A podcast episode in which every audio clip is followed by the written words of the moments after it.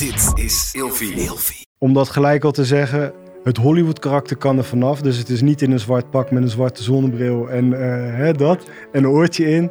Nou, die mensen eh, die worden vervoerd. Dus het is een stuk rijden, een stuk observatie. Pre-observatie, contra-observatie. Eh, en dan ga je zo'n locatie bezichtigen en denken... shit man, is een doodlopende straat. Of eh, ja, het is gewoon niet overzichtelijk. En dat is dan precies een plek waar ze heen willen. Daar is natuurlijk de kans dat een, eh, dat een, eh, een tegenpartij die iets wil doen... Ja, die gaat natuurlijk ook eh, in een voorbereiding en in, in een planningscyclus.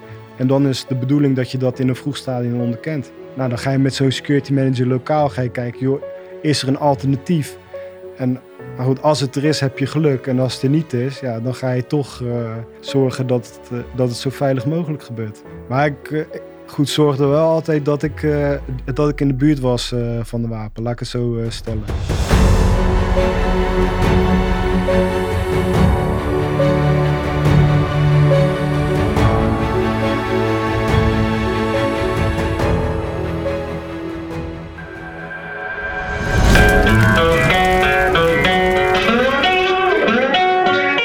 Welkom bij een nieuwe aflevering van Scherpschutters. Heel erg tof dat jullie er allemaal weer bij zijn vandaag. Mijn gast is Mario en we gaan het hebben over private beveiliging. Beveiligen en bewaken. En de parallel- parallele samenleving. Tof dat je bent, Mario. Ja, dankjewel. Echt eh, mooi om hier te zijn. Ik vind het leuk. Ik had de studio wel iets groot verwacht, maar eh het valt een beetje tegen. Ja, is het niet groot genoeg? Godverdomme. Ja, we moeten zit weer in lekkere, ja, zit in een lekkere stoel, dus Ja. helemaal goed. Ik vroeg aan, eh, in het voorgesprekje ook wel eventjes aan jou van... Hey, wa- wa- wat is nou eigenlijk belangrijk dat we het over dit onderwerp gaan hebben? En eh, ik vond je antwoord zo mooi dat ik denk, stel die vraag gewoon nu ook meteen. Nou ja, kijk, ehm, wie de laatste twee weken het nieuws een beetje heeft gevolgd, die, eh, die ziet dagelijks eh, berichten over explosies, over mensen die worden bedreigd, over eh, eh, kilo's cocaïne die, eh, die, worden, die worden onderschept in de havens of wat dan ook. Ik denk ja, dat het goed is om ja, mensen ook te vertellen dat er een parallele samenleving is. En ja, dat heel veel mensen daar gewoon geen weet van hebben.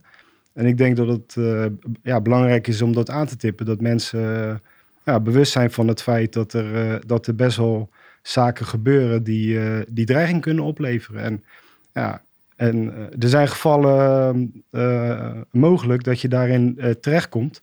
En ja wat, eh, ja, wat moet je dan doen? En eh, ik denk dat het goed is om daar eh, ja, vandaag over te hebben en eh, eh, ja, bij stil te staan. Ja, want even heel concreet voor, we gaan er straks helemaal induiken. Ik wil natuurlijk eerst even weten wie je bent en eh, wat, vanuit, welke, eh, ja, vanuit welke positie jij dan praat, met jou, welke achtergrond. Maar het was inderdaad wat jij net vertelde ook, van ja, er is natuurlijk een bepaalde level om beveiligd te worden, bijvoorbeeld in Nederland. Hè? Dus je ziet Ja. een, een Baudet, die heeft wel beveiliging, ook al is het niet altijd even effectief, hebben we gezien. Ja, nou ja, goed.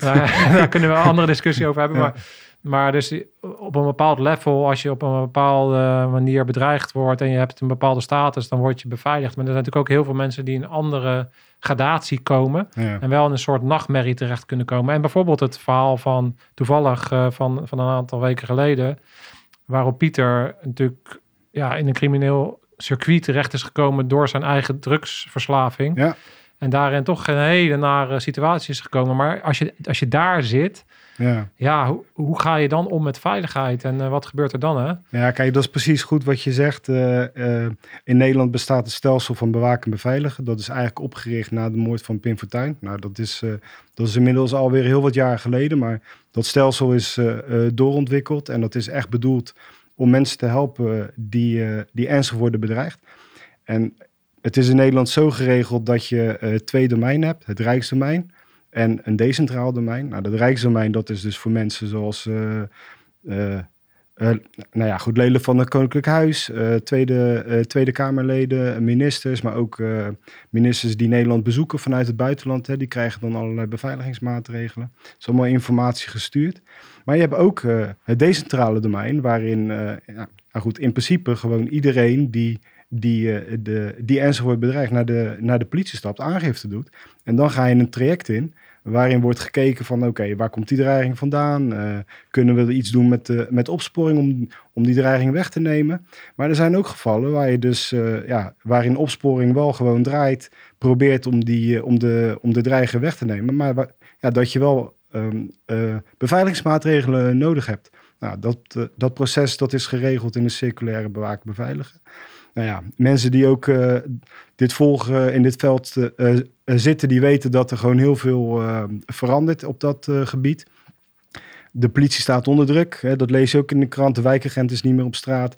De DKDB die, eh, die, eh, die de persoonsbeveiliging doet eh, samen met de BSB voor, voor mensen die, die ernstig worden bedreigd, zoals en Geert Wilders, maar ook John van de Heuvel, maar ook rechters, officieren, nou goed, andere mensen. Advocaten. Advocaten, Ja, ik bedoel... die natuurlijk ook de Wiersma Daarom, zaak. ja precies. Ja. We hebben die drie moorden gehad op de broer van de kroongetuige Dirk Wiersma en Peter de Vries. Daar is ook een onderzoeksrapport eh is er over gekomen. Nou, en daarin zijn eigenlijk wat aanbevelingen gedaan die de huidige minister van Justitie eh, heeft overgenomen. En die, heeft gezegd, ja, dat stelsel moet, eh, dat moet veranderd worden.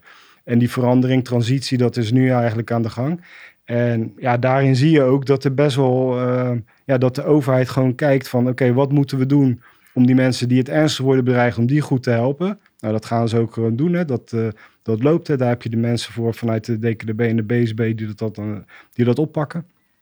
Maar je houdt altijd wel een hele grote groep mensen die, die misschien eh, niet ernstig worden bedreigd, eh, maar zich nou, nou goed, onveilig voelen. En die zeggen van, nou ja, ik wil ook beveiliging. Of ik wil, ik wil, eh, ik wil dat mensen zorgen dat ik mij geen zorgen hoef te maken. Nou, en dan, ja goed, dan kom je in een gebied waar, waar de overheid zegt van, nou, dan, eh, dan moet je dat voor jezelf oppakken. Er is sprake van een gelaagde verantwoordelijkheid. Je bent eerst zelf verantwoordelijk voor je veiligheid, hè, goede sloot op de deur. Dan is er een werkgever die misschien eh, voor jou maatregelen treft, omdat jij, eh, nou ja, journalist bent voor, voor, een lokaal, voor een lokale krant en jij schrijft over de lokale misdaad. Nou, dan, dan is die werkgever ook een stukje verantwoordelijk om, om te zorgen dat jouw weerbaarheid op een bepaald niveau komt. Nou, en in die gevallen dat het echt ernstig wordt of dat er sprake is van een dreiging, ja, dan doe je aangifte en dan, dan gaat dat stelsel, zeg maar, eh, lopen dat proces wikken en wegen. Maar goed, in de tussentijd ja, kan er wel van alles gebeuren en eh, ja, zijn daar ook eh, ehm, ehm, het huidige systeem, zeg maar, eh, piept en kraakt. Gewoon de politie, eh, die heeft gewoon steeds minder, eh, minder Ja. tijd om, om alles te doen. Ik kan me voorstellen, kijk, ik heb zelf laatst ook had ik iets met mijn auto, was iemand in mijn auto geweest en denk ik, ja, heeft het überhaupt nog zin om daarvoor aangifte te gaan doen? Weet je, Ja. en dat is, dat, is, dat is omdat je gewoon weet van, oké, ja, wat, is de, de kans dat daar ooit wat daadwerkelijk op gerechercheerd gaat, weer, gaat worden en wat is het resultaat? Dus ik denk, ik bedoel, ik noem dat voorbeeld omdat het een beetje een soort van duidelijk geeft van, ja, weet je, er is op een gegeven moment natuurlijk gewoon zoveel werk. En de onderkant van een bepaal- bepaalde grens, daar gebeurt natuurlijk helemaal niks meer mee. Want het is niet Precies, belangrijk ja. genoeg. En er, zijn, er is geen capaciteit meer voor. En dat, dat, wat ik jou hoor omschrijven, is dat het in, in die wereld van beschermen, beveiligen, en be- of be- be- Bewaken en beveiligen, bewaken, ja. beveiligen, sorry. Ja. Ehm, ja, dat het daar ook kraakt en, en piept. En Ja. dat daar natuurlijk ook van alles eh, gebeurt. En eh, dat wel ja, de, de parallele samenleving steeds meer ja, heftig geweld laat zien. Ik ken ook de voorbeelden van advocaten die inderdaad zeggen van ja, jeetje, ik doe dit vak nu, maar ik ga wat anders doen, want ik vind het eigenlijk niet meer waard. Ja, En dat is natuurlijk wel zorgelijk als bestuurders, advocaten, rechters dat soort overwegingen gaan maken. Omdat je dan, ja, dan ga je eigenlijk, dan krijg je dus een ondermijning van een rechtsstaat, van een ja. democratische samenleving. ja nou, precies dat. En dat is, eh, dat is ook gewoon het enge eraan. Ehm, en ik denk dat het... eh, kijk, de meest makkelijke zaken zijn natuurlijk de meest heftige zaken. Want daar wordt natuurlijk max op ingezet. Er wordt veel naar gekeken. De politieinformatieorganisatie die, die draait dan op, eh, op volle toeren... eh, data uit encrochats of, of criminele inlichtingen. Dat, dat zijn allemaal puzzelstukjes die dan bij zo'n bij zo'n inschatting komen van de politie. Dus ja, ik moet ook zeggen, ik ben echt wel eh, gewoon trots op eh, wat er allemaal gebeurt in Nederland. Want dat mag ook wel eens gezegd worden. Want je hoort natuurlijk alleen maar van de, eh, ja, van de casuïstiek waar het misgaat. Maar er gebeurt gelukkig ook heel veel goeds in Nederland. Dus dat mag ook wel een keer benoemd worden. Maar ik vind dat ook Ja. wel, ik vind dat interessant wat je zegt. Ik moet er ook over nadenken. Iemand die dat bijvoorbeeld heel erg doet is Andy Kraag, die Ja. ook in de stoel heeft gezeten, hoofdlandelijke recherche. Ja. Die deelt heel veel over successen. Maar dat heeft ook een prijs. Want ja. Ik weet het niet hoor, maar ik weet niet of hij met een MP5 onder zijn bed slaapt. En eh, ja, ik bedoel dat Ja. gekscherend hè, maar ik kan me voorstellen dat als je het hebt over iemand eh, ja, die ook daarmee natuurlijk ja, Zeker. risico's loopt. Van je wil het laten zien, maar ja, ga je het laten zien? En, met welke prijs betaal je daarvoor? In je privéleven of eh, op een andere manier? Nou, dat, zie je dus op alle niveaus. Je noemt inderdaad Andy, die, die, die hier ook heeft gezeten. En met de EncroChat, het kraken van die EncroChat, gewoon hele grote zaken nu aan het oplossen is natuurlijk met, de met de landelijke recherche. En, ehm, maar er zijn ook gewoon lokale voorbeelden waarin bijvoorbeeld een burgemeester een pand sluit omdat daar een, eh, een grote wietplantage is, eh, is gevonden. En zo'n burgemeester die kan ook worden geïntimideerd en bedreigd. Hoeft niet, eh, Nou, dat is interessant. Omdat Precies. dat, kijk, en die Ja. kraag zit, dan zitten we natuurlijk ook alweer op het toplevel. ja, En dan daar, daar zijn vast goede regelingen voor.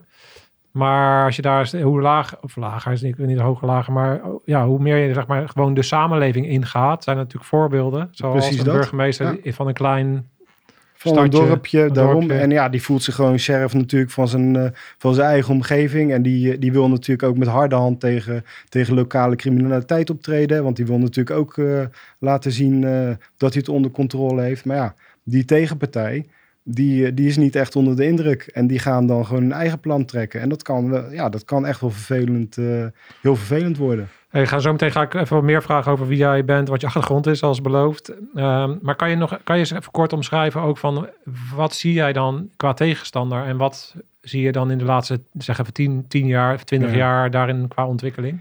Nou, kijk, mooi is, eh, dat zal zo meteen ook, als ik vertel over wie ik ben, terugkomen. Maar ik heb in ieder geval in het Haagse ben ik verantwoordelijk geweest voor, eh, voor een stuk bewaken en beveiligen van, eh, van de decentrale domeinen. Daar is dan een hoofdofficier van justitie is daar dan verantwoordelijk voor. En ik, ik, ben, eh, ik nou goed, ben adviseur geweest van zo'n hoofdofficier. En daarin zag je eigenlijk een hele palet van, van dreigingen. Dus nou goed, Den Haag, de regio Den Haag is, die kent natuurlijk gewoon grootstedelijke problematieken. Maar je hebt ook te maken met nou goed, internationale organisaties. Je hebt te maken met, eh, met, eh, met eh, bepaalde vitale objecten die, die interessant zijn. Dus dan zie je dat die dreigingen die gaan, die, ja, die gaan eigenlijk van 0 tot 100. Je hebt te maken met jongeren die elkaar neersteken omdat ze op elkaar schommel zitten. Goed, tot en met echt de zwaakrie eh, inzet in de cocaïnehandel of witwas. nou ja. En daar zit natuurlijk een heel, een, een heel palet eh, tussen. Maar je hebt ook te maken met huiselijk geweld plus zaken. Dat zijn mensen die, eh, nou ja, vaak vrouwen die slachtoffer worden van huiselijk geweld. Eh, Daar is natuurlijk ook heel veel sprake van in Nederland. Femicide is een term wat je ook best wel veel hoort in de media. Dat is natuurlijk super ernstig. Ehm, maar er zijn natuurlijk, ehm, ja, ik zeg huiselijk geweld plus, want dat plusje is dan net even belangrijk. Wie, wie, is, die, wie is die dreiger dan? En dan vaak zie je dat bijvoorbeeld iemand eh, lid is eh, van een OMG of eh, zware antecedenten heeft, toegang heeft tot vuurwapens. Kijk, en dat zijn dan zaken die dan, die dan door worden opgepakt in dat stelsel en waar wordt gewogen van, oké, hoe kunnen we zo iemand dan goed helpen? Ehm, ja, kijk, en eerlijk gezegd, een persoonsbeveiliging voor dat soort mensen, dat, ja, dat zit er gewoon niet in. Want die capaciteit is er niet. En ook ehm, ja, in de levensvorm en fase waarin die mensen zitten, past het natuurlijk ook niet gewoon. Ja. Nou ja, interessant ook. En ik denk ook dat er dus een overlap begint te ontstaan. Want eh, zoals jij zo mooi beeldend vertelt over die, eh, die steekpartijen om een schommel. Ja, Kijk, dat soort jongens, die, worden, die komen natuurlijk vaak in aanraking met de wat grotere jongens. En dan eh, daar komt natuurlijk heel snel een soort eh, overlap. Ik denk ook, als je bijvoorbeeld kijkt naar de zaak van Peter de Vries. Ik ben geen specialist op dat Nee. dingen, dus ik heb alleen maar wat dingetjes gevolgd. Misschien weet jij daar meer over. Maar daarin zie je denk ik ook wel een beetje die overlap van eigenlijk die straatjongens die dan eigenlijk op het grote niveau op, op echt een, echt Ja. een, een, een maatschappelijke impact aanslag. Ja. eh, toch Ja, goed, je zou bijna verwachten, hè, als je het hebt over de aanslag van, eh, van Peter de Vries. Dit is, eh, dit is natuurlijk ook gewoon intel die ik heb uit media, want ik, ik ken de zaak zelf ook niet achter de schermen. Maar dan zie je dus eigenlijk dat de schutter met een doorgeboord wapen Peter de Vries heeft doodgeschoten. Je zou eigenlijk verwachten, hè, op zo'n niveau, dat er dan gewoon een professionele club erachter zit en dat dan ook professioneel aanpakt. Maar met zulke knullige methodes, modus operandi, is het wel gelukt. Dus dat is natuurlijk wel ernstig gewoon. Dus dat geeft ook me aan van hoe makkelijk het is om, om, eh, om zo zwaar geweld toe te passen. En hoe moeilijk het is om daar tegen op te treden. Ja, nu je het zo vertelt, denk ik, ja, misschien is het ook wel juist daarom dat het lukt. Omdat Ja. je natuurlijk in die wat professionelere circuits, daar heb je wellicht al weer, weer op de dark web of um, in, de, in de onderhandeling al vaak Ja. natuurlijk dat, er- dat er inlichtingen naar boven komen, waardoor die netwerken al een beetje in de gaten gehouden worden. Maar hoe knulliger, om het even uh, dat woord te gebruiken, het eigenlijk wordt, Ja. Ja, hoe lastiger dat wellicht ook is om op te pikken in een, in een, eh, in een zaak of in een recherche. Ja, die zeker. gebruiken namelijk Ja. geen EncroChat. Ja. Ja, die hebben misschien alleen maar even gecha- gechat op, eh, op een of andere signal. En Ja, eh, dat is niet opgepikt. En, Nou, kijk, wat, wat misschien nog een beter voorbeeld is, is nu gewoon dat gebruik van explosieven bij woningen. Ik bedoel, cobra's worden gewoon op een deur geplakt of een raam geplakt. Eh, nou, die cobra's zijn, eh, die zijn makkelijk eh, te halen. Die komen uit Polen of Oost-Europa en die, die worden gewoon verscheept. Eh, em, em, met PTT Post eh, komen ze gewoon, of TNT komen ze gewoon, ja, TNT, komen ze gewoon bij je binnen, zeg maar. Maar eh, ehm, ja, die, die jongens die die, die, die cobra's plakken, die worden ingezet voor een paar honderd euro als ze geluk hebben. Ze hebben eigenlijk geen idee bij wie ze dat doen, hè, want ze krijgen gewoon een adres. Nou, in veel gevallen wordt er ook wel eens een, eh, eh, nou goed, een verkeerd huisnummer eh, gepakt. Dus dan, eh, dan, eh, dan krijg je dus een cobra op je deur, terwijl je echt gewoon helemaal niks met, eh, met, eh, met criminaliteit te maken hebt. Hè. En je ziet ook echt dat het, eh, nou goed, in nachtelijke uren, dus is er echt sprake van een aanslag? Ja, eh, ja, want dat ding ontploft. Maar het is niet met doel om, om zeg maar iemand eh, te verwonden of om te leggen. Het is echt gewoon puur die signalering. En dat zie je natuurlijk ook met het schieten op woningen. Of, of eh, nou ja, vroeger werden wat meer handgranaten gelegd. Nu is dat echt overgenomen door die cobra's. Ja, eh, als die uitvoerder wordt gepakt, ja, dan heb je een uitvoerder. Maar wie zit daar eigenlijk achter? En dat is natuurlijk nu gewoon de uitdaging voor de politie om daar, eh, om daar max op in te zetten en dan door te rechercheren om te kijken of ze, of ze, of ze echt die opdrachtgever kunnen pakken. Ja, en dan is de vraag, wie is het? Waar zit die? En, eh, en eh, ja, wat is eigenlijk, eh, wat is, wat is eigenlijk de oorzaak van die, van die, van die aanslagen? Maar Ja. je ziet gewoon hoe volhardend die lui zijn. Ja, ze laten zich echt niet terugdeinzen door, do- door camera's op straat of nieuwsberichten dat daar meer politie wordt ingezet. Eh, nou goed, in Vlaardingen nu toevallig dan een beveiligingsbedrijf wat daar, eh, wat daar extra surveilleert. Dus daar zie je eigenlijk al dat daar een, een plus komt op, eh, op, die, op die veiligheidsinzet van de overheid. Ja, want kan je eens heel veel kort, voordat ik echt Ja. ga naar Wie is Mario eigenlijk. Maar kan je eens kort die zaak in Vlaardingen, wat is er gebeurd en wat is daar dan bijzonder aan? Want ik noemde, jij zegt, zegt dus dat daar een privé beveiligingsbedrijf eh, Ja, op- klopt. Dat is eh, sinds is. eh, nogmaals, hè, dit is gewoon eh, dingen die ik ook uit de media ja, heb gehaald. maar- Maar goed, ik kan me er een voorstelling bij maken, omdat ik best wel eh, wat van dit soort vergelijkbare zaken heb gedraaid, ook in het Haagse. Je ziet gewoon dat daar eh, blijkbaar een, eh, een ondernemer in iets betrokken is eh, die, eh, die, eh, die nu doelwit is geworden van, eh, van aanslagen. En die aanslagen die, eh, die worden gedaan bij zijn bij zijn voertuigen, bij zijn woning en bij zijn bedrijfspand. Dus er worden ja, eh, g- goed explosieven geplaatst. Ik weet niet wat het eh, is, maar het, eh, het, kan, eh, het kan een cobra zijn, maar het kan ook een pizzaschijf zijn, wat, eh, wat lui gebruiken om die, eh, om die plofkraken mee te doen. Dat zie je ook wel eens gebeuren. Dat zijn dan wel de wat hardere knallen. De wat kleine knallen zijn dan cobra's. En soms doen ze er ook nog, eh, nog een, eh, een fles benzine bij, want dan heb je natuurlijk gewoon een mooi effect. Nou, dat is natuurlijk eh, eh, ja, goed levensgevaarlijk. Die gasten spelen letterlijk met vuur. En wat je eh, eh, eh, nu dus ziet, is dat de politie en de gemeente ja, goed, eigenlijk die zaak niet goed kunnen aanpakken. Goed, ik weet natuurlijk niet wat er gebeurt op de achtergrond. Ze Ja. hebben wel iemand al aangehouden, maar toch is er vannacht ook weer een explosie geweest. Dus dan zie je gewoon dat er een, dat er een reeks van, van aanslagen is op die, op die persoon. En dat, ja, dat is nu dan helaas Vlaardingen, maar het gebeurt, het, ja, het gebeurt overal in Nederland. Maar moet die eh, ondernemer dan nu uiteindelijk dan zelf betalen voor zo'n beveiligingsbedrijf? Heeft hij dat zelf ingehuurd? Weet je dat? Of Nou, dat weet ik niet. Nee, dat dat weet ik niet. Dat weet ik niet. Maar goed, uiteindelijk denk ik eh, dat het wel wijs is om, eh, om eens nou goed, achter zijn oren te krabben. En, en te denken van, ja, wat moet ik eigenlijk gaan doen? ja, ja. Ja, Ja, want ik kan me voorstellen, want jij hebt bijvoorbeeld ook, laten we daar nu eens in gaan duiken wie jij bent. Jij hebt bijvoorbeeld Ja. ook voor Prosecco gewerkt. Dan, dat dat Ja. is volgens mij meer dan weer een, een ondernemer die het zelf betaalt. Klopt dat? Ja, klopt. Prosecco. Prosecco is uh, beveiligingsbedrijf van Heineken. Ik zei ik Prosecco of ja. Prosecco? Prosecco is wat anders, ja. toch? Ja, dat is het drankje zeg maar met bubbels. Ja. Dat wordt daar niet gedronken. Uh, zijn we wel binnenkort weer aan toe. Uh, nog twee weken. Ja, precies, precies.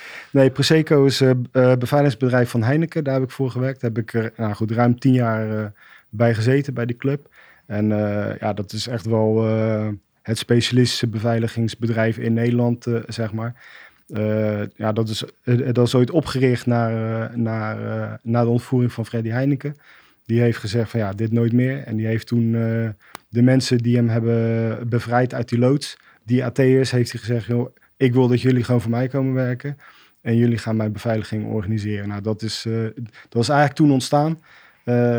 en, en ja, dat is eigenlijk later doorgegroeid naar, naar een meer corporate security bedrijf, wat het nu is. En, en ja. Ik, ik, ik heb één zo'n verhaal. Dat ik weet niet of dat een mythisch verhaal is. Of, of dat jij het herkent, dat verhaal. Uh, vanuit die eerste uh, beveiligingsgasten die dan voor Heineken werkten. Dat in die tijd was het zo dat je uh, eigenlijk lid kon worden van een schietvereniging. Want je mag natuurlijk als privébeveiliger niet met wapens lopen. Nee. Maar in die begintijd was het toen eigenlijk zo, wat ze dan deden, is dan werden ze gewoon lid van een schietvereniging. En je mag dus wel, als je thuis een wapen mag hebben, omdat je bepaalde tijd eh, onder bepaalde voorwaarden op een schietvereniging bent, mag je wel je wapen verplaatsen van je huis naar de, naar de schietclub. Dus wat zij dan altijd deden, is als ze onderweg waren en ze werden aangehouden en ze was, ja, jullie dragen wapens, dan zeiden ze van, ja, maar we zijn onderweg naar de schietclub. Ja, precies, om te trainen. Herken ja, je dat verhaal? Ja, ja, ja, nou goed, dat herken ik niet, maar ik kan wel zeggen dat, uh, kijk, het mooie was aan Prosecco is dat daar, uh, toen ik daar solliciteerde, toen, uh, daar kwam ik eigenlijk heel via via terecht. Ik had, nou, dat is misschien wel mooi om gewoon even te vertellen ja, van wie ik ben. Laten we vanaf beginnen ja, gaan. Ja, wie, ben je eigenlijk? Mario Playpak, ja. 44 inmiddels, wonen onder de rook voor Rotterdam. Ben echt een Rotterdammer. Kroatische Rotterdammer. Mijn roots liggen in, in de Balkan. Mijn vader is hier gekomen toen hij 18 was. En uh, die heeft later, is mijn moeder overgekomen. En nou ja, die hebben zich hier gevestigd. Met het idee ooit om ja, goed te sparen voor een huis daar en dan terug te gaan. Nou, dat teruggaan is niet gelukt. Dus we zijn hier gebleven. En ja, goed, mooi, mooi goed, mijn vader is overleden. die is doodgaan aan asbestkanker. hij heeft hier gewerkt in de scheepsbouw. Nou, dat was ook echt een rammer. En nou, dat, is, vind ik wel even belangrijk om gewoon te noemen. Mijn moeder is overleden in een verkeersongeluk toen ik 18 was. Dat was net goed in het jaar dat ik ben afgestudeerd aan het VWO. De middelbare school. Ik had mijn diploma op zak en in datzelfde jaar, twee maanden later zou ik starten op de KMA. Nou, dat, dat heb ik ook gedaan.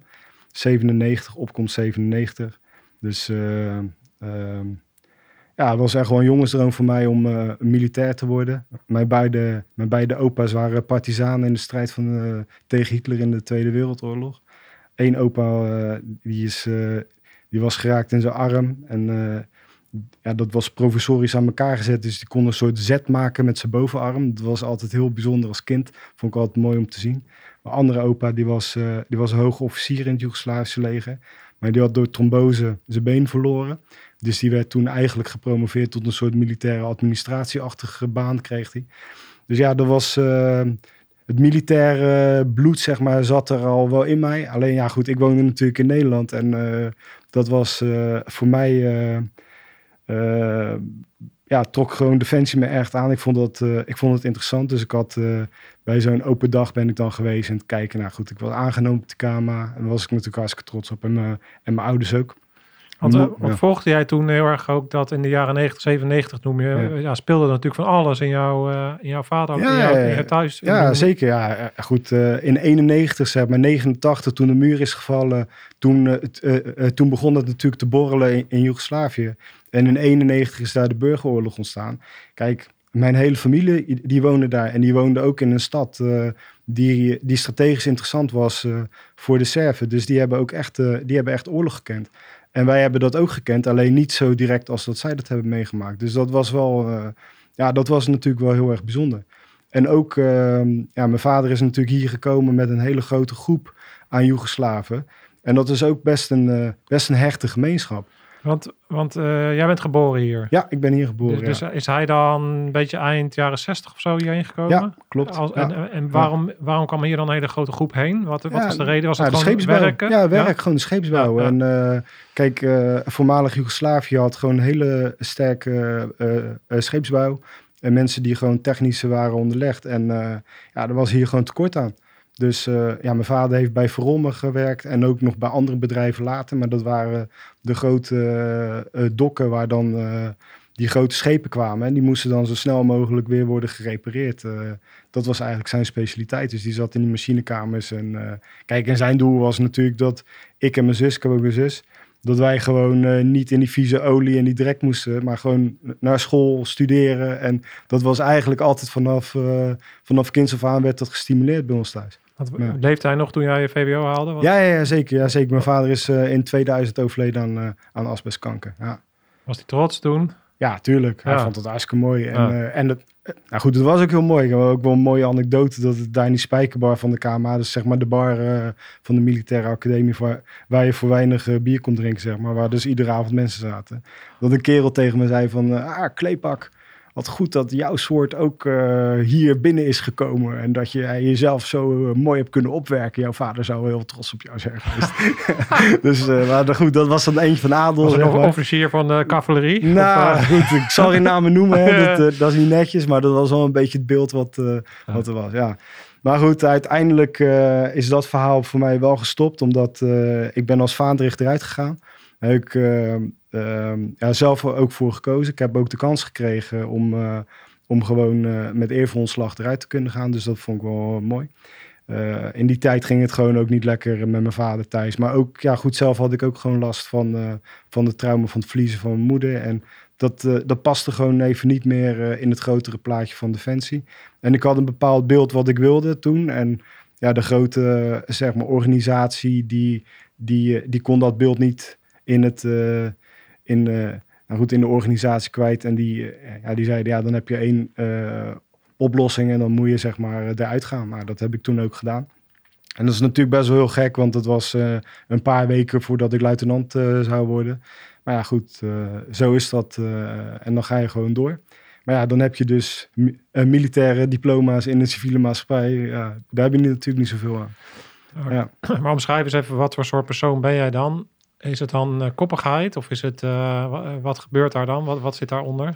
Nee, het is niet zozeer koppigheid, maar ik heb gewoon... eh, ja, eh, mijn vader had me toen gewoon nodig. En eh, Is het dan verantwoordelijkheid? Ja, verantwoordelijkheid ook. Kijk, en je moet je voorstellen, wij, eh, wij waren gewoon een heel hecht gezin en een heel goed gezin. Ik heb een, echt gewoon een geweldige jeugd gehad. eh, ook een mooie opvoeding, nooit problemen of wat dan ook. Kijk, en als je moeder dan wegvalt, ja, dan is dat natuurlijk een heel groot verlies. En voor mijn vader, ja, ik en mijn zus zijn natuurlijk zijn alles. Dus dat, dat betekent dat je, dat je gewoon heel hecht bent en heel eh, ja, eh, bij elkaar bent. Maar dat betekent ook dat je wel die verantwoording draagt om, om er voor elkaar te zijn. En ja, dat betekende voor mij in, in mijn geval dat ik gewoon, ik moest in Rotterdam zijn. Of in ieder geval in de buurt van Rotterdam. Ja. Ja, en dat paste even niet bij het plaatje van Defensie. Want die hebben natuurlijk voor jou gewoon een aantal eh, trajecten. En jij past dan niet in zo'n traject. Ja. Maar goed, Ja. Ja, ik snap precies, het. precies. Dus ik leg het niet, eh, niet helemaal bij Defensie. Maar dat was, eh, Nee, toen waren er gewoon gewoon, geen andere mogelijkheden. Dus nou ja, goed, was ze uitgestapt. En toen ben ik eigenlijk ook wel een beetje in die private beveiliging eh, terechtgekomen. Want ik ging wel studeren. Ik ging bestuurskunde doen aan de HBO. En nou goed, in de tussentijd ja, wilde ik ook gewoon werken. Natuurlijk, want je hebt centjes nodig. En ik denk, nou, dan ga ik mooi in die beveiliging. Dus ik ben toen... Je hebt eh, een, goed, een goede kop voor. Dus dat, ik eh, heb daar een goede kop voor. Alleen ja, qua lengte dan misschien niet. Maar eh, ik, eh, ja, goed, ik had er zin in. Dus ik was lekker fit. En eh, ik denk, ja, dat is mooi om te doen. Ja. Dus ik heb toen eh, bij Trend Security eh, gewerkt in Rotterdam. Ja, echt ja, gewoon een mooi bedrijf. Het was zo'n zo'n oldschool portier. Die gewoon, eh, nou ja, goed, mag ik hier wel zeggen, al het zwarte geld gewoon om heeft gezet in een legaal bedrijf. Ja. toen in die tijd. Ja. En eh, die, eh, ja, die had het gewoon slim voor elkaar. De, Daar stonden jullie dan Nighttown achter, achter, Ja, te- achter precies. tenten? ja, Nighttown of Corso, eh, Thalia Lounge. Maar wat hij ook deed was gewoon grote evenementen in de doelen. Oh ja. Want hij maakte echt een doorstart zeg maar, van klein horeca eh, beveiligingsbedrijf naar echt een grote, een grote onderneming, zeg maar. En dat was echt in de tijd, kijk nu zie je overal beveiligers lopen, maar toen niet. En die had ook een aantal van die luxe segmentwinkels op de lijnbaan. En wat hij deed, die, ja, die had gewoon goede lui, fitte jongens in dienst. Zagen er allemaal goed uit. Nou, die liet hij naar Le Mans gaan. Allemaal een, eh, allemaal mooi bospak aan. En daar werd dan dat veetje op eh, gepland.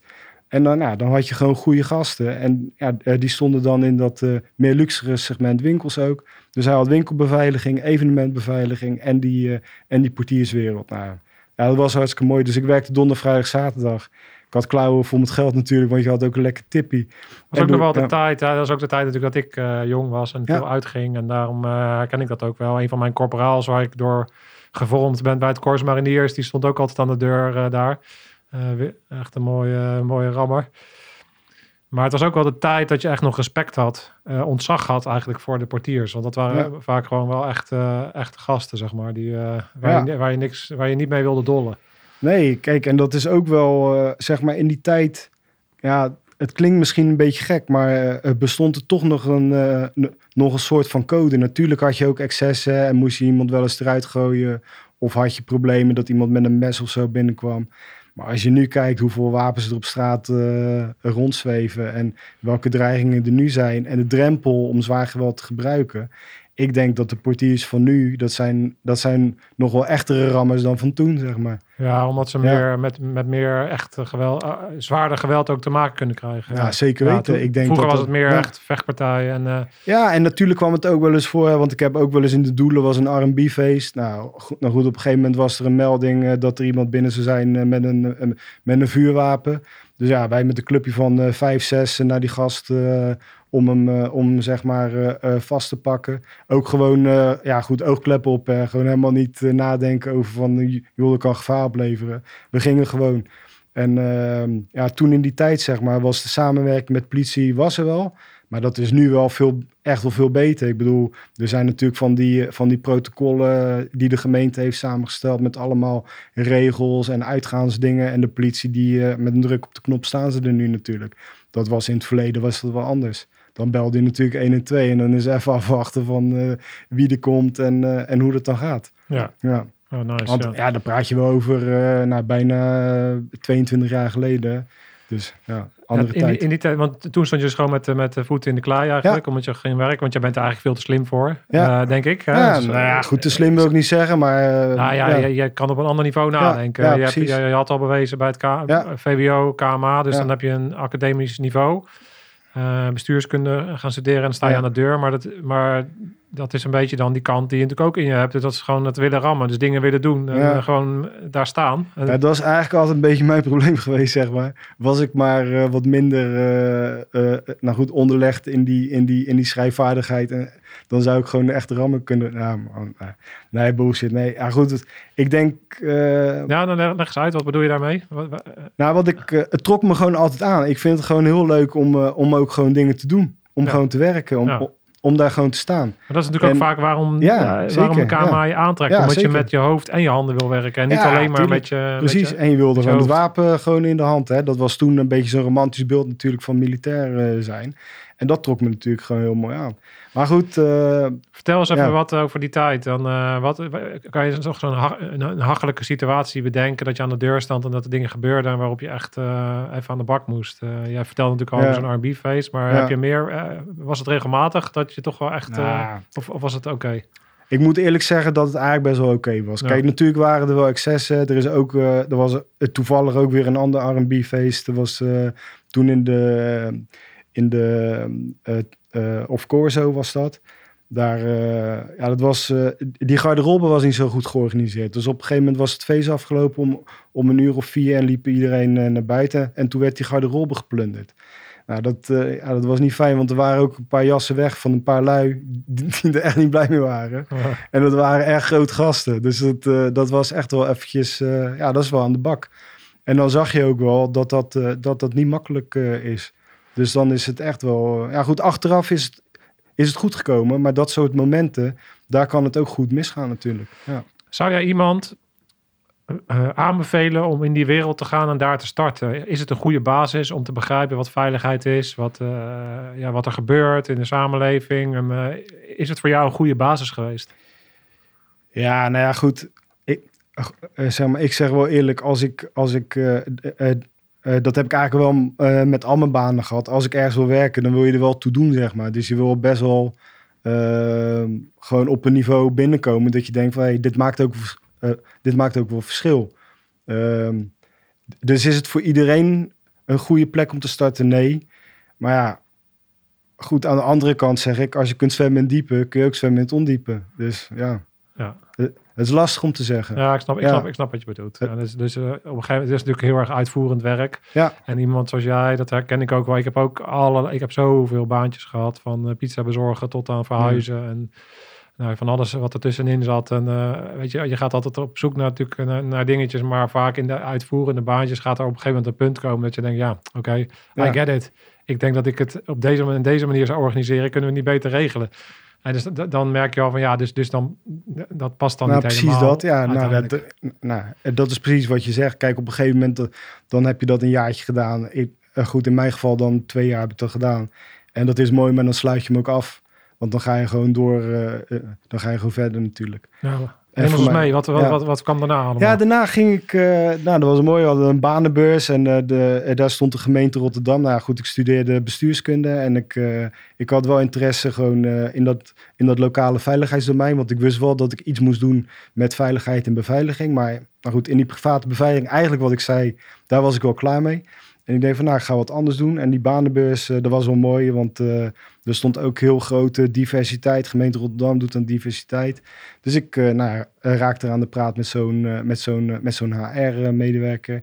En die zegt van, joh, en wie ben je en waar kom je vandaan? Dus, nou, ik- dus eh, ik zei, ja, diversiteit. Ja, ja, goed, we zoeken nu mensen eh, met een migratieachtergrond. Ik zei, nou, dat is mooi. ik zei, dat is, dat is Kasi. Ik ben, eh, ik ben de Kroaat. Dus, en zo is letterlijk gegaan. En ik ben daar een traject ingerold. Ben ik een trainee geworden bij de gemeente Rotterdam. En ja, mooi was wel dat ik dus vanuit die, vanaf de deur eh, naar het stadhuis ging. ja. En eh, ja, ik had daar gewoon een kantoor en eh, ik zat daar met een senior medewerker die mij dan moest begeleiden, zeg maar. En eh, ik had eigenlijk geen flauw idee wat ik daar moest doen. Dus eh, ja, dat was wel heel grappig eigenlijk. Dus ik kwam er binnen. Ehm, ja, daar ben ik toen wel gaan werken aan eh, nou goed, allerlei competenties die je nodig hebt in zo'n baan. Hè. Dus overleg, besluitvorming, structureren enzovoort. Maar ik had wel altijd nog wel die feeling met veiligheid. En in die tijd werd Pim Fortuyn vermoord. Dat is, dat is altijd wel een punt geweest wat, wat, wat heel erg ehm, eh, tekenend is geweest. Ook natuurlijk voor de Nederlandse geschiedenis, maar ook voor mijn geschiedenis. Omdat het eh, ja, wel een kentering was. En dat, dat betekende ook dat, dat zo'n eh, prominent politicus zo wordt, zo wordt omgelegd. Dat was wel, dat was wel ja, dat vond ik wel heel boeiend. En wat kan je daar dan tegen doen? Dus dat bleef een beetje haken. Maar in die tijd hadden ze ook eh, stadsmariniers. En, dat zijn dan niet mariniers in het groene pak. Maar ehm, ja, goed, mariniers met een stropdas om. En dat waren een soort superambtenaren die werden dan ingezet om, eh, om allerlei problemen integraal aan te pakken. Dus woonoverlast, drugsoverlast, jongerenoverlast. Daar liepen allemaal programma's voor, maar die programma's die werkten niet. Of het duurde allemaal te lang. Of er waren gewoon, ja, er was gewoon urgentie om het snel aan te pakken. En dan zo'n ambtenaar die kreeg dan meer de vrije hand om dingen te doen. Nou, en ik kwam bij zo'n eh, bij zo'n ambtenaar te werken en dat was wel heel erg leuk. Ja. Toevallig ook een eh, gast van een aantal podcasts geleden, Michiel van der Pols, is lang Stadsmarinier. stadsmariniers Ja. geweest. Heb je ook met hem samen nog Nee, gewerkt? nee, dat was eh, daarna. Hij is later stadsmarinier geworden. Ik heb echt met de eerste stadsmarinier van Rotterdam mocht ik aan de bak. Kijk, en daar was het mooie, was een, er was een, ik kan wel een mooi voorbeeld geven, was in de deelgemeente Noord hadden ze een, een, een groot jeugdcentrum en daar hadden ze echt last van, van, die, eh, van die hangjongeren, echt klieren. Maar die waren ook al bezig met een beetje handel en eh, meisjes intimideren, dat soort, eh, dat soort zaken. Dus ik kreeg de opdracht om die groep in kaart te brengen. Dus ik ben gewoon letterlijk gewoon gaan posten. En, en gewoon weer in die operatie, zeg maar, gewoon gedoken. En ja, gewoon namen gaan, namen gaan verzamelen. Dus bij mensen aanbellen van, ja, ken je die, ken je die? En langzamerhand groeide dat lijstje een beetje. En ja, daar, daar hebben we toen een aanpak op, eh, op, eh, op gedaan, zeg maar. Ja. Ja, want jij best wel. eh, ik ben ook een keertje mee geweest met Marconiplein. eh, met, met een politieagent die daar dan ons een beetje liet zien hoe ze daar werkt. En er was ook zo'n heel mooi project waarop ze dan eigenlijk met alle moeders vanuit een probleemwijk eigenlijk in, in zo'n centrum samenkwamen. Omdat ze dan heel erg gewoon feeding wilde krijgen met hey, wat speelt er nou eigenlijk allemaal bij jullie en hoe kunnen we jullie zoveel mogelijk helpen eigenlijk. Hè? Dus de wijkagenten die daar dan contact hebben met, ja. met een hele groep moeders vanuit. Ja, kijk, dat is eh, eh, eh, eh, ehm, zeker in zo'n gemeentelijke aanpak. Kijk, de politie doet natuurlijk gewoon strafrechtelijk hun, hun ding. Maar dat wil niet zeggen dat daar, daarbuiten is natuurlijk nog meer. Eh, dus hulpverlening, maar ook inderdaad gewoon die contacten met de buurt. En hoe zorg je nou, want er zitten echt wel gewoon normale lui natuurlijk tussen. Hoe zorg je nou dat die, die andere gasten ook een beetje weer op het rechte pad kunnen krijgen? Daar zit, ja, daar zit natuurlijk wel gewoon heel veel kracht in. Ehm, maar goed, bij de gemeente Rotterdam eh, er was een trainee-traject van twee jaar. En op een gegeven moment kwam er een, eh, een vacature vrij bij het Nationaal eh, Coördinatiecentrum. Of crisiscentrum eigenlijk. En eh, ja, dat klonk eigenlijk wel mooi. Dat was een centrum dat eh, moet je eigenlijk zien als een soort megameldkamer voor heel eh, Nederland. Eh, nou, daar solliciteerde ik en daar werd ik, eh, daar werd ik aangenomen. Omdat ik natuurlijk ook die contacten had eh, met, met Rotterdam. Wat is dan het verschil? Meldkamer, je hebt natuurlijk landelijke meldkamer, dus dat is politie. Maar wat, wat wordt hier dan gemeld? Nee, het Nationaal Crisiscentrum, zeg maar, die monitoren op landelijk niveau ja, dreigingen en, en, en, en eh, eh, eh, eh, crisisbeheersingszaken. Je moet je voorstellen, het vliegtuig wat is neergestort of, of, of, of een schip wat, eh, wat zeg maar stuurloos eh, eh, naar de kant gaat. daar zijn allerlei processen voor. En dat Nationaal Crisiscentrum is dan verantwoordelijk om op nationaal niveau de juiste dingen te doen en de juiste processen op te starten. Want is dat, valt dat dan nu ook onder de terroristenbestrijding? Klopt, ja. Dat toch, En dat ja, is nu klopt, de volledige klopt. naam, toch? Of Ja. was dat toen ook al zo? Nee, nee, nee, Nee. toen was dat echt apart. Ja. Toen, eh, toen had je een eenheid bewaken en beveiligen, waar ik later eh, terecht ben gekomen. En je had het Nationaal Crisiscentrum. Dat crisiscentrum, daar heb ik dan, eh, dan gewerkt. Nou, dat was echt een hele mooie tijd. Omdat je, ja, je zat daar gewoon met mensen in een 24-7 omgeving. Dus je werkte in ploegendiensten. Dat was super, super mooi, omdat ja, er waren ook mensen die al kinderen hadden. Ik was eh, gewoon vrijgezel, ik was alleen. En ehm, ja, die wilden allemaal geen nachtdiensten draaien. Dus ik had zes weken lang nachtdiensten draaien, wat eigenlijk helemaal niet mag. Maar eh, ik ging gewoon in die nacht, dus overdag kon ik gewoon lekker trainen. S'nachts een beetje werken. Je had natuurlijk ook nog eh, zo'n onregelmatige diensttoeslag, dus dat was heerlijk. Ehm, maar ik heb daar wel mooie dingen meegemaakt. Wat ik zei, Pim Fortuyn was, eh, dat was in mijn, zeg maar in mijn hoofd vastgelegd. Maar ik, eh, nou goed, ik had dienst op het centrum toen ze in het laakkwartier die handgranaat eh, n- naar het AT gooiden. Ja. Dus eh, eh, ja, dat is wel mooi, want dan zit je dus daar op dat centrum, krijg je die melding binnen, eh, eh, eh, midden in de nacht. En ehm, ja, dat zijn wel mooie dingen natuurlijk. Dat vind ik wel heel gaaf. Ja. Ja. Maar tegelijk merkte ik wel aan mezelf, denk ik, ja, ik zit hier nu in zo'n warme stoel met al die schermen. En, eh, maar ik wil eigenlijk gewoon erbij te staan. Want, want ja, dus, dus ik ben benieuwd wat, wat je dan met dat gevoel ging doen daarna. Ja. Maar heel veel bij deze zaak, hè. Want, ehm, Antoniusstraat was het geloof Ja, ik? ja Klopt. Ja, ja je, de, de, de host waarmee ik ooit ben gestart, eh, die was daar ook mee. Die lag daar op het dak. eh, Kleine wereld. Toen de tijd, ja. Jeroen. En ehm, wat ik me afvraag is, oké, zo'n crisiscentrum, wat doe jij dan eigenlijk? Hoe, hoe ziet dat eruit? Neem ons even mee. Oké, jij zit daar, je krijgt zo'n melding binnen. Ja. Wat gebeurt daar nou eigenlijk? Want ik heb daar geen beeld bij. Nou ja, wat er gebeurt, dit was natuurlijk ook gewoon een, eh, gewoon een uitzonderlijke situatie. Hè? Ik bedoel, eh, er is eigenlijk eh, sprake van een terreurcel in Nederland die een handgranaat gooit naar een AT wat hem, die daar naar binnen wil vallen. Dus ja, er zijn processen die, eh, die je moet lopen. Mensen, eh, mensen eh, wakker maken, dan alarmeren dat er bepaalde zaken zijn. Maar ook eh dat beleidsteam voor de, eh, eh, ehm, eh, voor de inzet van die speciale eenheden die zit natuurlijk wel op een beleidsniveau. Die politie die gaat natuurlijk niet vanzelf draaien. Die gaan wel rollen, maar er zijn natuurlijk wel processen ingesteld om dat juridisch ook allemaal correct eh, te laten uitvoeren. Ja, dus is, is dat ook het juridische proces? Want ik heb natuurlijk, ik ben commandant Ja. geweest van M-skadron bijvoorbeeld. Ja. En we vielen binnen de dienst speciale interventies. Wij zijn dan eigenlijk natuurlijk ja, behoorlijk laat in de, in de opschaling. Hè? Dus wij komen echt pas, eh, Ja. Wij worden pas heel laat gealarmeerd. Dus is, is die alarmering van wanneer alarmeer je nou welke eenheid? Wordt dat dan ook vanuit jullie? Werd dat nee, dat niet. Dat niet. Dat is, in- dat is inderdaad gewoon een operationeel proces. Maar, maar goed, je moet denken, er zit een eh, directeur-generaal politie. Die moet ook weten dat het speelt. de minister van Binnenlandse Zaken Ja, dus meer de bestuurlijke kant. zeg meer de bestuurlijke kant. Ja, dat ja. is echt wel dat crisiscentrum opgericht. Dus Ja. heel die operatie draait gewoon operationeel. En dit is echt wel, nou, inderdaad goed dat je het zegt. De bestuurlijke kant die zeg maar ook eh, moet opschalen. En ook het crisisteam bijeen gaat roepen. De communicatie moet geregeld gaan worden. Wie, wie, de, de Nou ja, communicatieadviseurtjes moeten wakker, ge- wakker gemaakt worden. Precies, je moet aan ja. het werk. Precies dat. Dus eh, ja, zeg maar dat, dat hele proces erbuiten, dat moet worden opgestart. En dat begint dan op zo'n nationaal eh, crisiscentrum. Ja, oké. ja. En toen, waar die onrust bleef, wat, eh, wat Ja, die onrust bleef. En eh, nou ja, goed, toen werd ook nog eh, Theo van Gogh vermoord. Die had een, eh, eh, ja, natuurlijk door Mohammed B. Iedereen, althans iedereen, de, meeste luisteraars, die zullen dit wel... het, het, herinneren, het is natuurlijk alweer een tijdje geleden. Ja, daarom. Maar goed, dat was natuurlijk allemaal zeg maar, onderdeel van die, van die terreuractiviteit toen wat in, eh, wat in Nederland plaatsvond.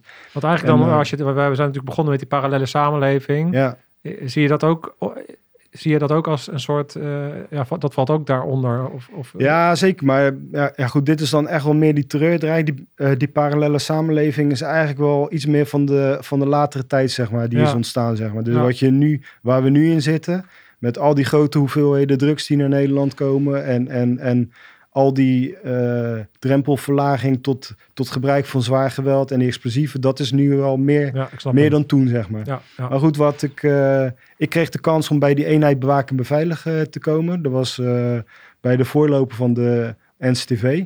NCTB-tijd eh, was dat. Dat was eh, Nationaal Coördinator voor Terreurbestrijding. Nou, dat was natuurlijk in de piektijd dat, eh, dat dit zeg maar speelde. Ja, want Dus dat- eh, die dynamiek die er dan eigenlijk Ja. vaak gebeurt, is dat, oké, er gebeuren dingen zo, zoals eh Theo Want, van Gogh, ja.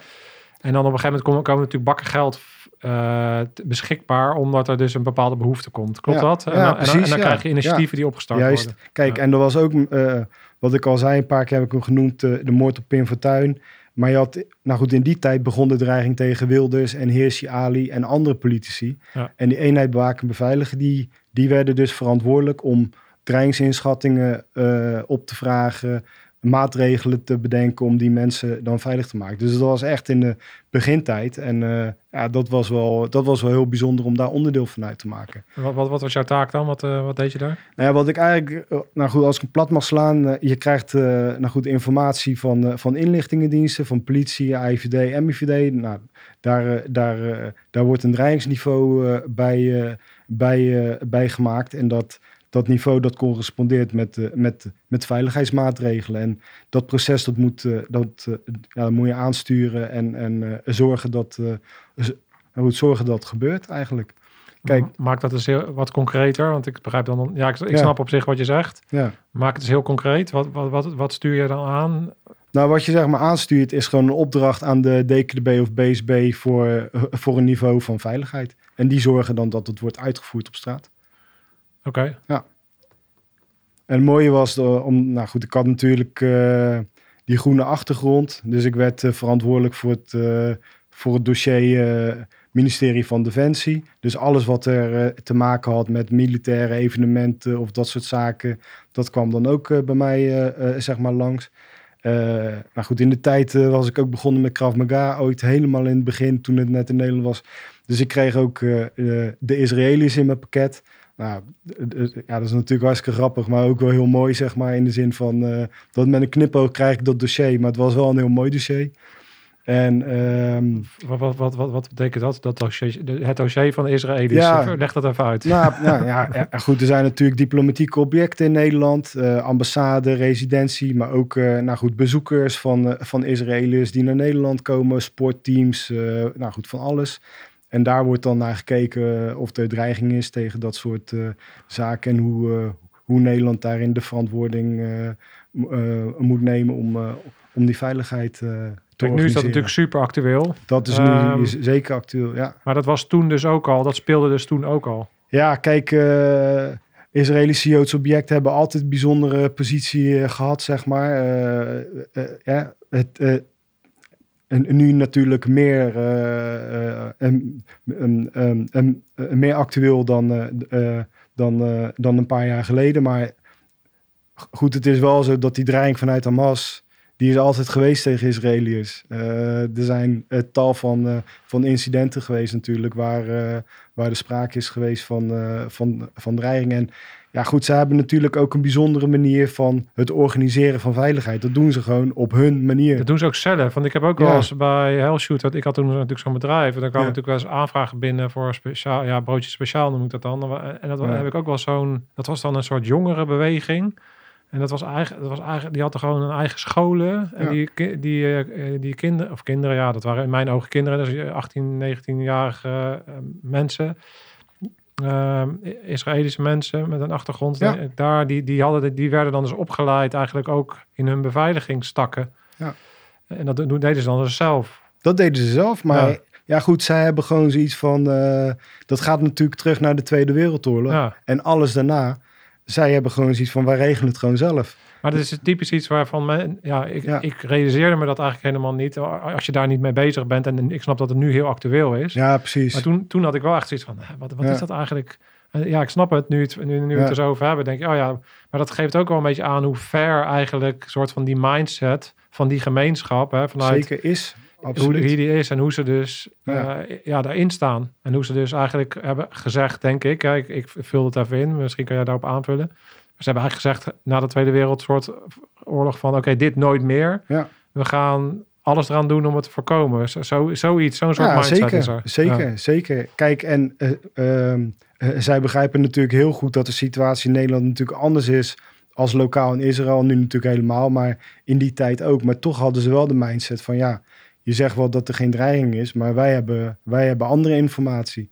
En dat, uh, ja, dat was dan wel altijd onderbouwd met, uh, met allerlei zaken. Ja. Dus ik kwam daar ook wel eens op de ambassade. En uh, nou ja, dat was dan grappig, want dan, dan maak je ook na een, na, na, een periode heb je ook gewoon wat, wat informele contacten met zo'n security manager. En die komt er dan achter dat je ook aan Krav Maga... Nou, dat vonden ze natuurlijk helemaal geweldig. Dat was natuurlijk één groot feest. Dus dat was dan wel, dat was dan wel grappig, zeg maar. Ja. En in die tijd had ik ook wel zoiets van, ja, nu wil ik echt gewoon de praktijk in. En, uh, want ik merkte gewoon, uh, ik ja, goed, werd onrustig. Ik had heel veel contact ook met, uh, met, met lui van de BSB, zeg maar, omdat ik dat ministerie van Defensie in portefeuille had.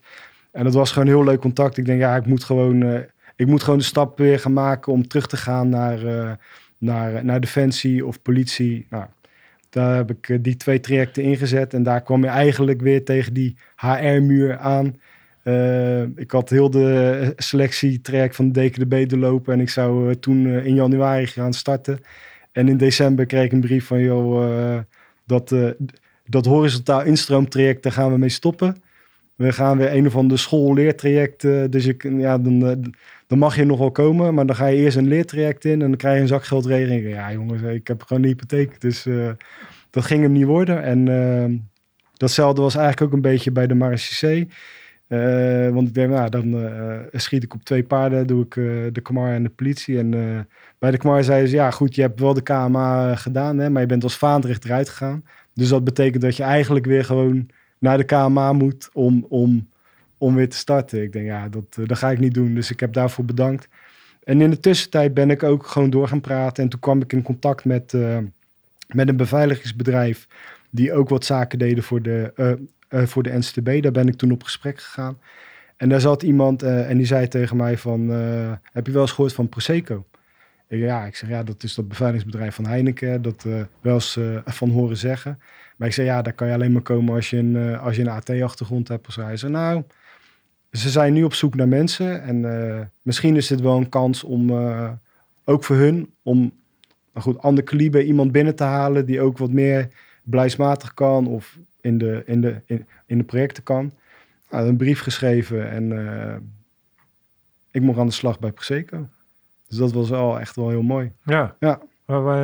Wat gebeurt daar? Word je daar dan ook getraind? Of, uh, ja, Prosecco had gewoon... Ging je toen ja. ook de operatie in? Of hebben ze je aangenomen ja. vanwege je Nee, je nee, nee, juist niet. Nee, nee, nee, nee, Dan zit je weer ja, te schrijven. Ja, precies. Nee, nee, nee. Nee, juist niet. Dat was, dat was wel grappig. Want er was toen die teamleider van het team die zat samen met, uh, met de HR-manager, die, die zaten daar aan tafel. En ja, goed, die keken naar mijn cv en die zei van ja, nou goed, realiseer je wel dat je hier niet uh, projecten gaat doen en dingen gaat aansturen. En eh, ik zei, nee, ja, ik, zei, dat wil ik ook niet. Ik wil gewoon in die operatie. Nou ja, goed, nou, goed, uiteindelijk vonden ze, het, eh, vonden ze dat goed overkomen en eh, kreeg ik die kans. Ja, Dat is grappig, want als we het hebben over de kleine wereld... ja. Uh, Michel Hennepman, die ook in deze podcast heeft Ja. gezeten, heeft daar ook gewerkt. Ken, Ja. ken je hem ja zeker. tijd? Met Michel heb ik nog samengewerkt. Ja, zeker. nice. Ja, ja. Ja, Hele kleine ik- wereld, Ja, ja. ik was ooit zijn uh, pelotonscommandant. ja, grappig. Dus zo is, zo is dat allemaal weer uh, aan elkaar Ja, mooi man. Ja. zeker. Ja, nou ja, goed. eh, daar bij Prosecco, het mooie is aan Prosecco, eh, toen in de tijd, zeg maar, daar had ieder had gewoon zijn specialisatie. Dus je had iemand die gewoon heel goed was in rijopleidingen. Je was iemand die goed was eh, in observatie en eh, tactische procedures. Nou, je had eh, weer iemand die goed was in, het, eh, in wapens en eh, dat soort dingen. En jij was inmiddels goed in een man-tot-man gevechten. Ja, dan. ik was goed in sport en eh, ja, was gewoon een fitte baas. En eh Krav Maga was gewoon mijn ding. En eh, ik was ook inmiddels eh, naar Israël gegaan, daar nog een training gedaan. Ook eh, close protection, Krav Maga eh, voor close protection doeleinden. En eh, nou goed, eh, eh, dat was mijn nevenactiviteit. Dus ik mocht sport geven daar en lessen verzorgen. Nou, het werd me niet altijd in dank afgenomen. Want er zaten ook wat lui bij Prosecco die er al wat langer zaten. En die hadden zoiets van, ja, weet je, er komen die jonge gasten. Doe even relax, doe En even relax komen- joh. Ja, precies. Ja, precies. Doe even relax, weet je wel. Maar dat was wel het mooie, want daar, ja, die ondergrens, die was, nou goed, iedereen was daar gewoon fit. Als je het vergelijkt met de maatschappij. Maar je had natuurlijk wel eh, tussen die lui, eh, eh, nou goed, daar, daar zat ik dan ook bij. Maar ja, gewoon uberfit. Dus je bent eigenlijk alleen maar aan het trainen en bezig met sport. Maar goed, aan de andere kant, je moet niet vergeten, je hebt daar natuurlijk gewoon, gewoon een taak. En dat is het, het zorgen voor die beveiliging van de familie en voor, en voor het bedrijf Heineken zelf, zeg maar. Kan je daar wat meer over vertellen? Van, voor mensen die interesse hebben in de Ja. private beveiliging. Wat doe je nou eigenlijk dan? Wat, wat, wat gebeurt er nou eigenlijk? Neem ons Ja. eens mee in, in, in een klus. In een, oké, hij- Ja. hij gaat op pad of hij gaat op reis. Of ne- neem ons eens mee. Wat gebeurt er nou eigenlijk? Ja, kijk, eh, om dat gelijk al te zeggen, het Hollywood karakter kan er vanaf. Dus het is niet in een zwart pak met een zwarte zonnebril en, eh, een dat. oortje. en een oortje in. Dat was het niet. Nou ja, kijk, wat je doet, die mensen leven natuurlijk gewoon hun normale leven. En jij, nou goed, jij hebt eh, daar als taak in om te zorgen dat dat, dat het allemaal gewoon vlekkeloos kan verlopen. Dat is eigenlijk het grotere plaatje. Dus wat het concreet betekent is, eh, nou die mensen eh, die worden vervoerd. Dus het is een stuk rijden, een stuk observatie. Eh, nou, toen ik begon was het wel meer gericht eh, in, in echt die persoonlijke begeleiding. Dus dan liep je er gewoon naast, hè, daadwerkelijk. Of soms met meer, of soms alleen. En later groeide dat ook wel meer in een, in een eh, zeg maar, beveiliging op afstand, eh, pre-observatie, contra-observatie. Dus daarin zag je ook dat Prosecco echt wel doorontwikkelde en meeging met de tijd, zeg maar. Wat is pre-observatie en wat is contra-observatie? Kan je dat Ja, pre-observatie is eh, zeg maar beveiligen op afstand. Dus je, dus je, je, je checkt eigenlijk een omgeving waar, waar zo'n TBP heen gaat. Hè. Een restaurant bijvoorbeeld? Ga je checken restaurant hoe het of, uitziet? eh, Of, eh, nou ja, vaste, eh, vaste objecten, sportschool of, eh, of kantoor. dat zijn natuurlijk vaste locaties van zo'n TBP. Daar is natuurlijk de kans dat... TBP? Te beveiligen persoon, sorry. Daar is natuurlijk de kans dat een, dat een, een tegenpartij die iets wil doen, ja, die gaat natuurlijk ook in een voorbereiding en in, in een planningscyclus. En dan is de bedoeling dat je dat in een vroeg stadium onderkent. En contra-beveiliging? Ja, contra eh, staartje geven of zorgen, dan, dan ga je er eigenlijk achteraan. Dus dan kijk je van, oké, eh, de TBP eh, die gaat ergens naartoe. En dan check je dus of, die, of er niemand achteraan komt. Hè? Eigenlijk zo heel plat gezegd. Ja. Nou, en dat stuk... ja, dat Want je had, je, de- je had, geen DKD, je had alleen je DKDB eh, voortraject gedaan. Dus niet, niet de opleiding zelf. Nee, Want- niet... eh, Want ik heb ooit wel eens een keer zo'n eh, training gedaan met de DKDB in, in de Schilderswijk van Den Haag. En dan moesten we inderdaad ook dat, dat contra beveiligen trainen met hun eigenlijk. Hè. Dus, dus oké, hoe doe je dat? En dan inderdaad met elkaar afwisselen. En eentje heeft zicht op de TBP en de andere heeft geen zicht. En op Ja. een gegeven moment wissel je dat af. En het is, dat is best wel een interessant eh, Ja, zeker. spel. Ja, kijk, DKDB acteert natuurlijk in het hoogste dreigingssegment. Hè? Dus dat, eh, dat, dat geweldsmonopolie ligt nu ook bij de overheid. Dus als private eh, beveiliger ben je natuurlijk niet, eh, niet bewapend. Hè? Dat betekent dat je in die voorbereiding juist natuurlijk veel zwaarder zit. En, en daarin ook eh, nou goed, de risico ook eh, weghaalt natuurlijk voor de medewerkers die, daar, eh, die daarin werken. Ja. Ehm, kijk, en, en, en wat natuurlijk mooi was voor Heineken, die, eh, dat is natuurlijk eh, eh, echt een supergroot bedrijf wat wereldwijd een, natuurlijk brouwerijen heeft. Daar werd je ingezet voor nou goed, evenementklussen zoals Champions League, maar ook de Formule 1, maar ook nou goed, bezoeken van, van hoge directeuren aan brouwerijen. En dan kom je in landen zoals Burundi, en Congo, Nigeria. Eh, kijk, en dat zijn natuurlijk net even de, de wat andere inzetten.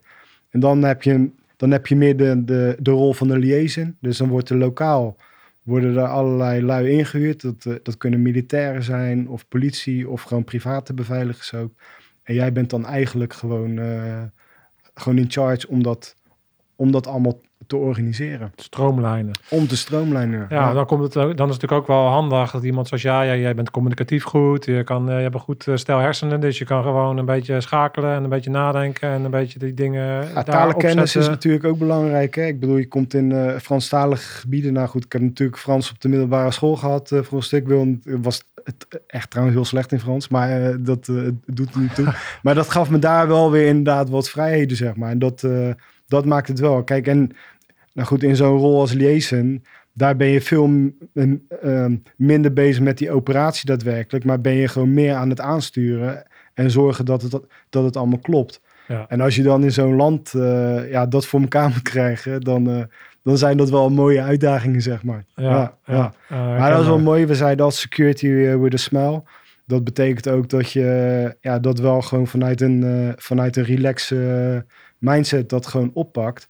En eh, ja, het mooie was dat je natuurlijk... eh, eh, ja, goed, je wil wat neerzetten, want je wil natuurlijk niet falen. Dus, hè, dus de standaard die wij in Nederland hadden, die nam je mee en die ging je daar uitrollen. Nou, dat werkte natuurlijk niet altijd even makkelijk. Dus dat waren best wel ook ja, pittige reizen, zeg maar. Ja. Ja, Ja, dus dan moet je eh, een risicoanalyse maken. Oké, je moet dan ergens soms water bij de wijn doen, maar hoe ver ga je daarin en wat, wat ben je Ja, bereid om, om te tuurlijk. doen? Ja, kijk, en wat er altijd tussen zat, eh, als mooi voorbeeld, als dan zo'n directeur ergens naartoe gaat, dan willen ze ook altijd zo'n market visit doen. Hè, van hoe wordt het bier dan daar dan lokaal aan de man eh, gebracht? Hè? En kijk, dat zijn natuurlijk wel eh, de plekken waar je eigenlijk niet wil zijn. Eh, want natuurlijk eh, probeer je eh, eh, eh, dat in goed overleg te bekijken. En dan ga je zo'n locatie bezichtigen en denken, shit man, is een doodlopende straat. Of ja, het is gewoon niet overzichtelijk. En dat is dan precies een plek waar ze heen willen. Ja, nou dan ga je met zo'n security manager lokaal ga je kijken, joh, is er een alternatief? En nou goed, als het er is, heb je geluk. En als het er niet is, ja, dan ga je toch zorgen, zo- nou goed, zo goed mogelijk, zorgen dat dat het zo veilig mogelijk gebeurt. Ja. ja, want ook de jongens eh, in de opera, ook daar, jullie lopen allemaal ongewapend. Dus Ja. het zit hem veel meer in de voorbereiding, het vooruitdenken, scenario's bedenken. En wat if dan dat en Ja. wat if dan dat. Ja, maar ik eh, goed zorgde wel altijd dat ik, eh, dat ik in de buurt was van de wapen. Laat ik het zo stellen. Iemand met een wapen. Of, ja, precies dat. ja, ja. precies dat. Ja. Maar goed, aan de andere kant gebeurde het ook gewoon dat je zo'n reis deed, gewoon heel low profile. Ja. Dus het was niet altijd show the force, want dat gebeurde natuurlijk ook wel eens, hè, dat je echt met een heel konvooi daar op reis ging. Maar het eh, nou goed, kon ook zomaar zijn dat het heel kleinschalig en low profile werd gedaan. Maar dat was net, ja goed, net even afhankelijk van hoe de situatie eh, was. En, nice. en dat heb jij dus een jaar of tien eh, gedaan. Ja, en, tien- Tien jaar gedaan. Waarom inderdaad. ben je daar gestopt? Ja, goed, uiteindelijk nou, nou goed, komt daar ook een eind aan. Hè? Dan heb je ook alle mooie dingen gezien en eh, ja, veel pad ook. Maar ook wel, eh, ja, het is, een, eh, het is een fysieke klus. Dus dat betekent ook dat je gewoon fit en vitaal moet zijn. En op een gegeven moment kom je ook wel ja, boven die 40 en denk van ja, weet je, dat is ook gewoon mooi geweest. Inmiddels geen vrijgezel meer? Of, Nee, nee, nee, vader al natuurlijk. Maar goed, dat is in die tijd gaat het allemaal goed. Eh, kijk, het mooie is dat je natuurlijk eh, nou goed, een goed inkomen hebt. Je hebt natuurlijk een mooie job. Je werkt met allemaal gemotiveerde lui. Dus je, nou goed, je bent onderdeel van een mooi team. En dat zijn wel allemaal plussen natuurlijk die het, die het werk mooi maken wat het is. Ja. En ehm, ja, maar goed. zeg maar, aan alles komt wel, vind ik, een eind. En dan wil je ook gewoon zelf doorgroeien. Want ja, goed, uiteindelijk is het wel gewoon een uitvoerende baan. En eh, ja, heb ik ervan genoten en door. Ja.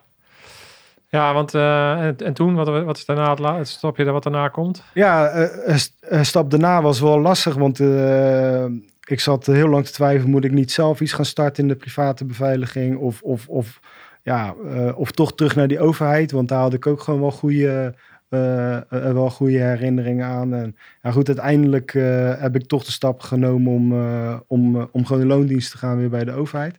Maar dat was wel grappig, want eigenlijk eh, ja, kom je dus van een club eh, die op hoog niveau eh, eh, nou goed, acteert, eh, doet. eh, in risicolanden heb je, heb je gewerkt. En dan moet je weer gaan solliciteren hier op een Nederlandse baan.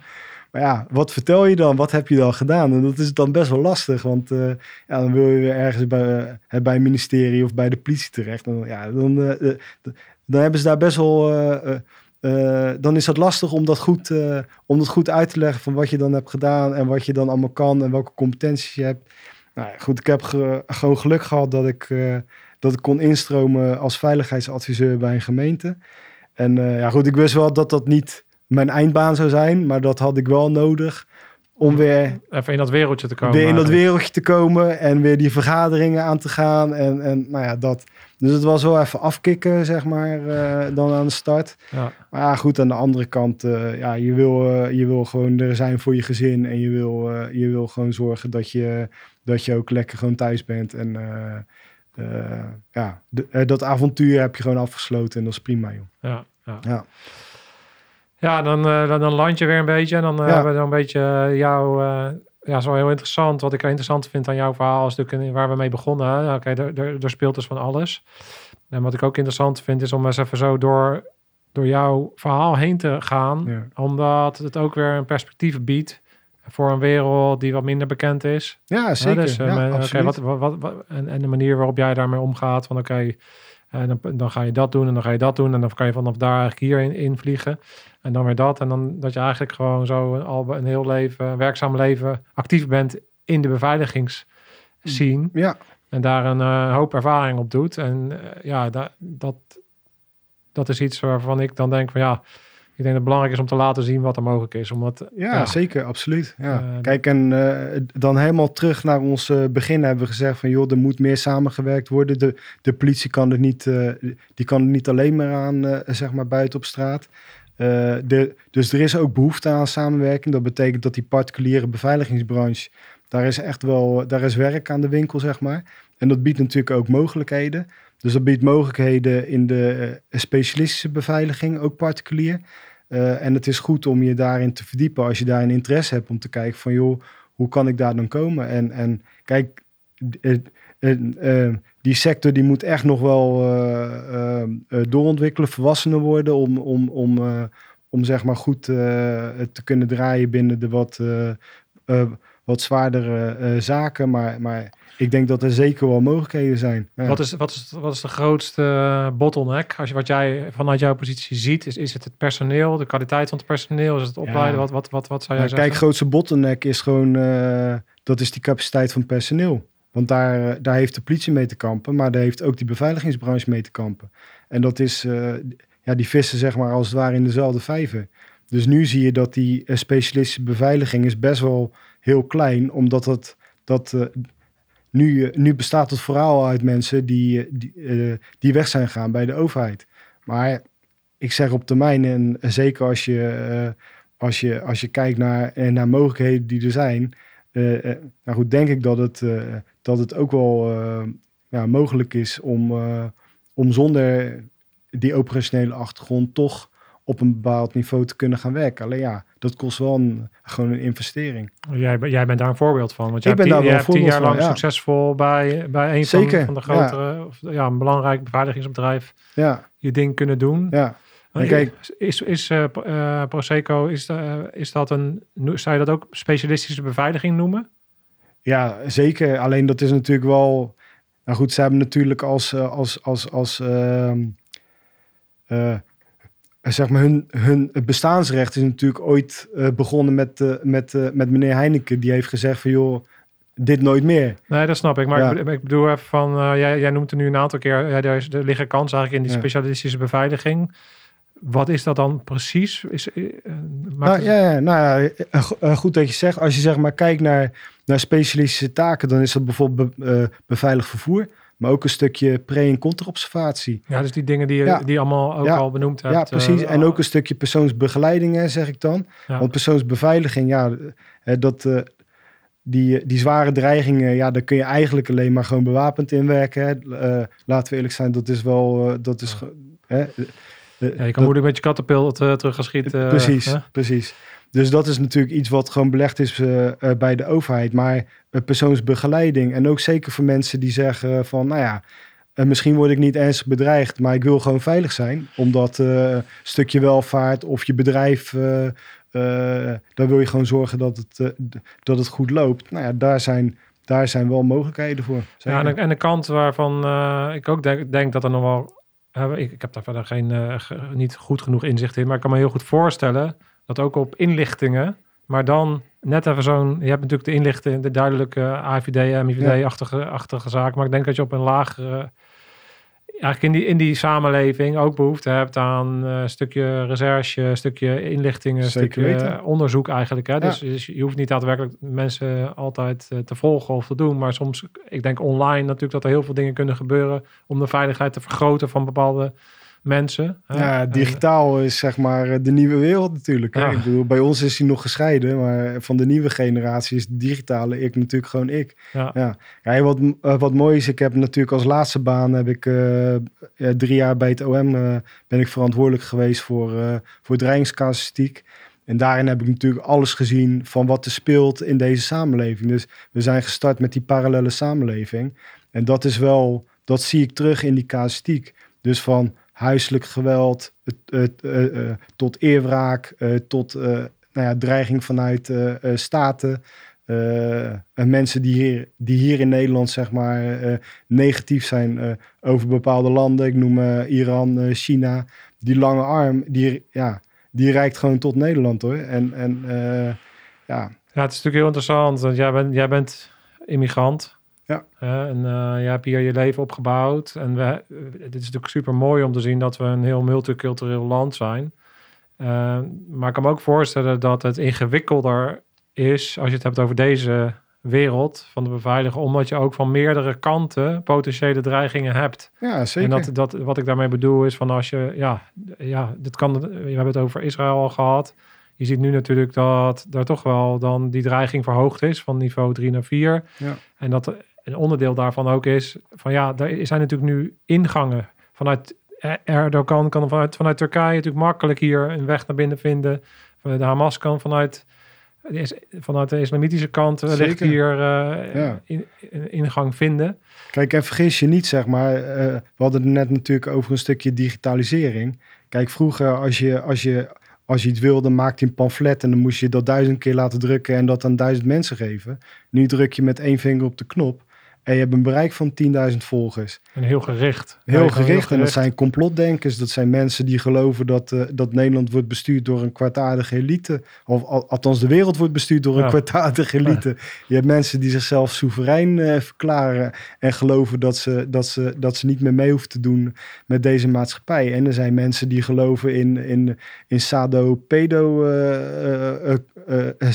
Eh, zeg maar complotten dat mensen die nu in de regering zitten, dat die kinderen vermoorden en verkrachten. En De Epstein-achtige eilanden. En, eh, ja, precies. En daar, ja, goed, daar zitten hele grote groepen eh, zeg maar, achter die, die dat volgen. Maar ja, zicht op, op, die, op die ene gek die dan dat wapen via dark web aanschaft en dan zegt van hé, hey, ik ga die, ik ga die, die gas pakken, want die, eh, ja, die vermoordt kinderen. Dat is heel lastig om dat natuurlijk te zien. En nu zie je dus dat eh, die verhoging van het dreigingsniveau, ja, goed, landen om ons heen, eh, die hebben al te maken gehad met incidenten. En nu eh, natuurlijk met de kerst zijn ook donkere dagen. Hè. Mensen, mensen allemaal wat depressiever. En natuurlijk met die geopolitieke situatie, zowel in Rusland als in, als in Israël. Ja, dat maakt wel dat het gewoon roert in de wereld. En Nederland is daarin niet, niet, niet vrij daarvan. Dat speelt ook allemaal hier. Ja. Gelukkig niet, niet altijd even zichtbaar, hè? laat het ook zijn. Dus we zijn gelukkig, hè? kun je gewoon nog veilig over straat. En hoeven we daar niet bang voor te zijn. Maar toch, ja, dat niveau is niet voor niks verhoogd, zeg ik.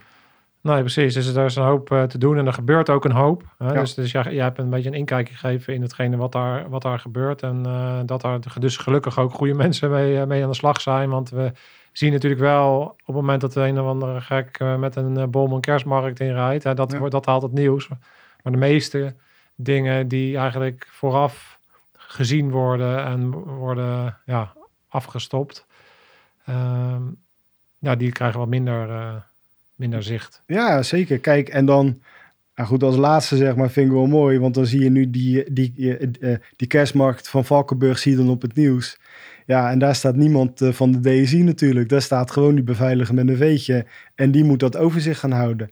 Kijk, en dan zou het wel mooi zijn dat diegene wel goed is opgeleid en getraind van wat is nou een afwijkende situatie? Waar moet ik nou op letten? Hoe moet ik goed alarmeren? En, en nou ja, dat, uh, ja, dat vind ik wel, uh, ja, dat zijn wel de uitdagingen waar we nu voor staan om dat, om dat voor elkaar te gaan krijgen. Ja, noem eens even een soort van twee of drie belangrijke punten voor de voor focus in deze, in deze wereld waar jij in zit, waarop, uh, waar, waarop jij mee bezig gaat eigenlijk nu. Wat is, wat, is jou, ja, wat is jouw uitdaging? Wat is jouw bijdrage in dit verhaal? Ja, kijk, wat, uh, wat gewoon heel erg belangrijk is, is dat mensen ook gewoon hun eigen verantwoordelijkheid nemen en gewoon veiligheid als belangrijk thema gaan beschouwen. Dus die premier op de fiets, dat is natuurlijk hartstikke mooi. Maar weet je, dat past niet meer bij de tijdsbeeld. En dat geldt ook voor uh, bedrijven.